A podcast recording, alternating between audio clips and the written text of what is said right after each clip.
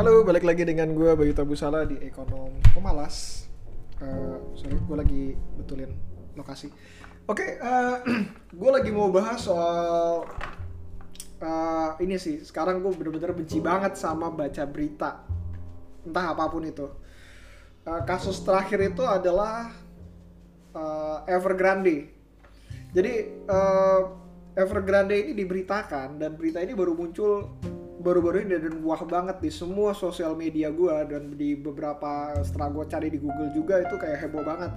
Oke Evergrande eh, mengalami kerugian, eh, gagal bayar dan segala macam dan dia punya debt 300 billion dollar gitu, sekitar 300 miliar dolar.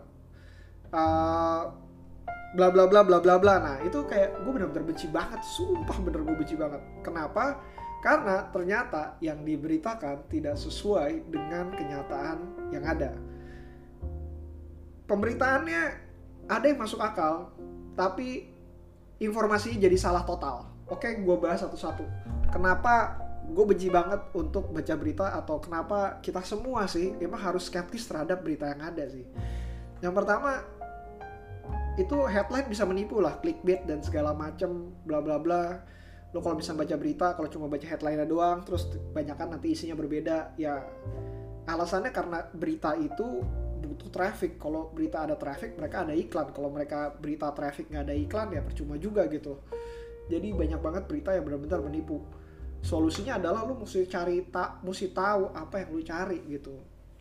Somehow yang gue cari itu lebih banyak ke arah uh, apa teknisnya teknisnya. Apakah benar kalau misalkan dalam kasusnya Evergrande yang kemarin gue atau Evergrande Evergrande ya whatever lah gue nyebutnya Evergrande lah.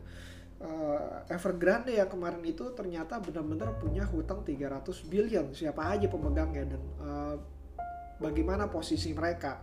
Terus uh, kalau misalkan punya utang 300 billion uh, mereka nyebutnya debt ya. D E B T gitu debt dan kalau mereka punya hutang sebesar itu uh, berarti apakah ada kewajiban lain yang harus dibayar dan so on and so on and so on? Gue lebih benar-benar kayak mempertanyakan hubungan teknik uh, teknisnya. Jadi kalau misalkan lu cuma baru bisa baca berita ya sulit gitu. Baca judulnya ya sulit lu mesti gali lebih dalam lagi. Terus kedua Uh, dan ketiga, gue bakalan ngomong bahwa sebenarnya jurnalis yang nulis itu tuh mungkin mereka bukan lulusan dari ekonomi ataupun mereka bukan lulusan dari apa pun yang mereka kerjakan saat itu. Jadi mereka satu nggak tahu linggonya, yang kedua pengetahuannya mungkin nggak ada juga gitu.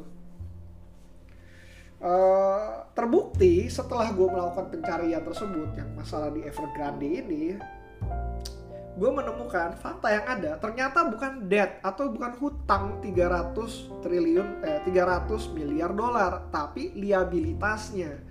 Berbeda dengan debt liabilitas itu kebanyakan tidak punya uh, liabilitas itu ada debt di dalamnya ter, termasuk dengan kewajiban-kewajiban lainnya. Ada kalau misalkan dipisah debt itu sendiri itu adalah hutang yang memiliki bunga jadi liability bearing interest istilahnya gitu. Istilahnya debt itu adalah segala sesuatu hutang yang punya ada bunganya. Kalau nggak ada bunganya berarti dia cuma sekedar liability biasa gitu. Gue mau bedakannya seperti itu. Sedangkan liabilitas sendiri yaitu secara keseluruhan gitu. Uh, lu boleh cross check juga uh, apakah yang gue sampaikan benar atau salah. Tapi ini yang gue ketahuin, ini yang gue uh, apa, ini yang gue pelajarin lah, yang gue pelajarin dan gue ingat gitu. Gue mungkin salah terhadap uh, linggo tersebut. Tapi akan tetapi jauh lebih parah lagi dibanding uh, jurnalis tersebut mereka benar-benar nggak tahu linggonya gitu, nggak bisa bedain antara liabilitas terhadap debt-nya itu sendiri gitu. Nah 300 juta ternyata hutangnya sendiri itu ada bagi dua. Ada perbankan ada lagi yang namanya hutang obligasi. Hutang obligasinya kurang lebih sekitar correct me if I'm wrong kurang lebih sekitar 32 billion dollar. Jadi dari 300 ternyata obligasinya 32 billion dollar.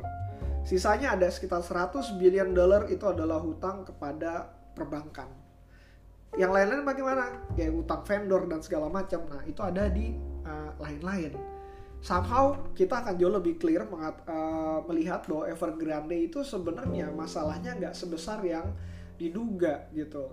Dan apakah mereka default? Ya default, tapi ada historinya di mana Evergrande sudah melihat hal ini jauh-jauh sebelumnya sehingga pada tahun Januari 2020 mereka sudah berusaha untuk mengajukan uh, apa permintaan bantuan kepada pemerintah China gitu. Dia udah dia udah berusaha untuk melakukan hal tersebut. Nah, somehow beritanya akan jauh lebih clear bahwa defaultnya tersebut bukan yang tiba-tiba default dan mereka pun masih mau untuk bekerja sama dengan obligornya dan lendersnya sorry kok lenders lend ya maksudnya pihak perbankan uh, untuk merestructuring mereka punya uh, hutang sehingga mereka bisa berjalan uh, sebagaimana mestinya. Karena ini kondisinya kan lagi pandemi dan mereka sudah melihat hal tersebut gitu.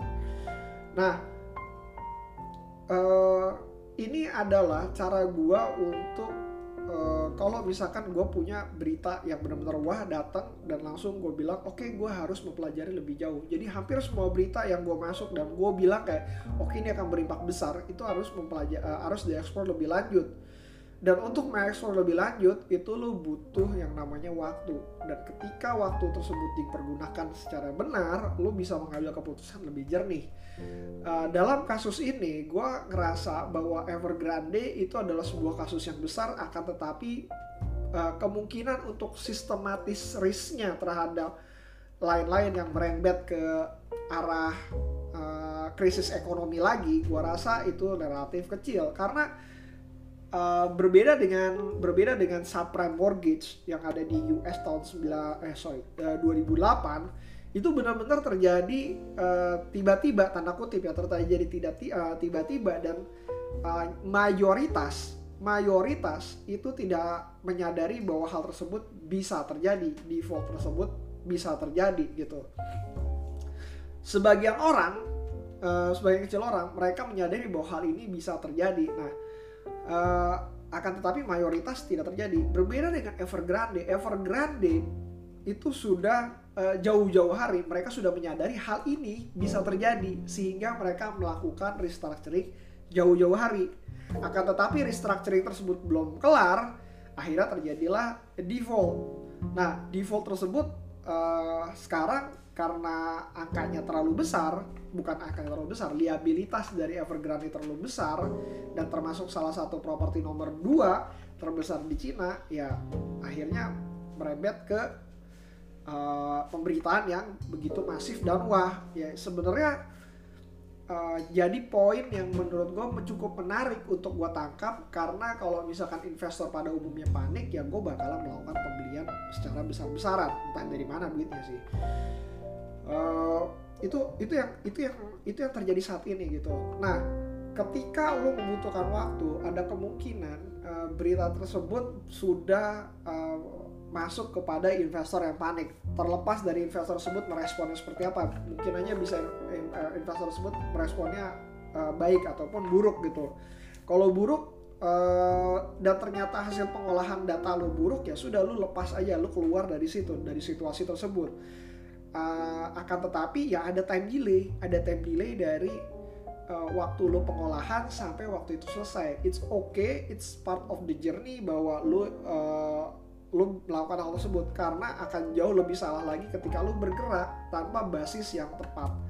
Jadi menurut gua skeptislah terhadap semua berita yang ada.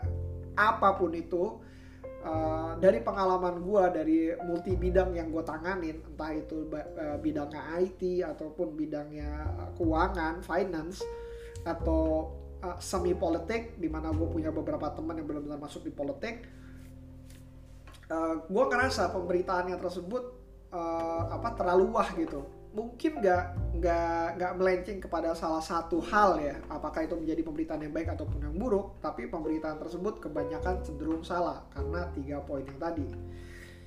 Headline yang clickbait uh, jurnalis yang tidak tahu linggo dan jurnalis yang tidak punya pengetahuan ketika mereka melakukan uh, penulisan jurnalis tersebut. Dan again nggak semua berita itu bisa langsung berimpact. Kasus Evergrande menurut gue uh, apa ya ya satu dari beberapa hal yang tiba-tiba berimpact tapi kalau misalkan pun berimpact bagi gue adalah impact yang bagus karena uh, market merespon dengan cara yang negatif. Sedangkan gue ngelihat bahwa ini adalah opportunity gue untuk masuk ke dalamnya. Uh, apakah gue mungkin salah? Gue mungkin salah. So then again do your own part uh, do your own research.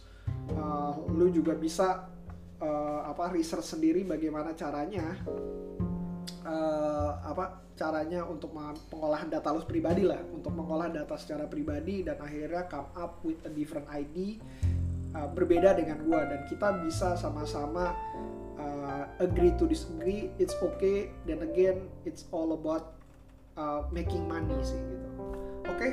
See you again next time. Kalau ada pertanyaan di bayutabusala@gmail.com atau ke Instagram gue at bayutabusala. Bye.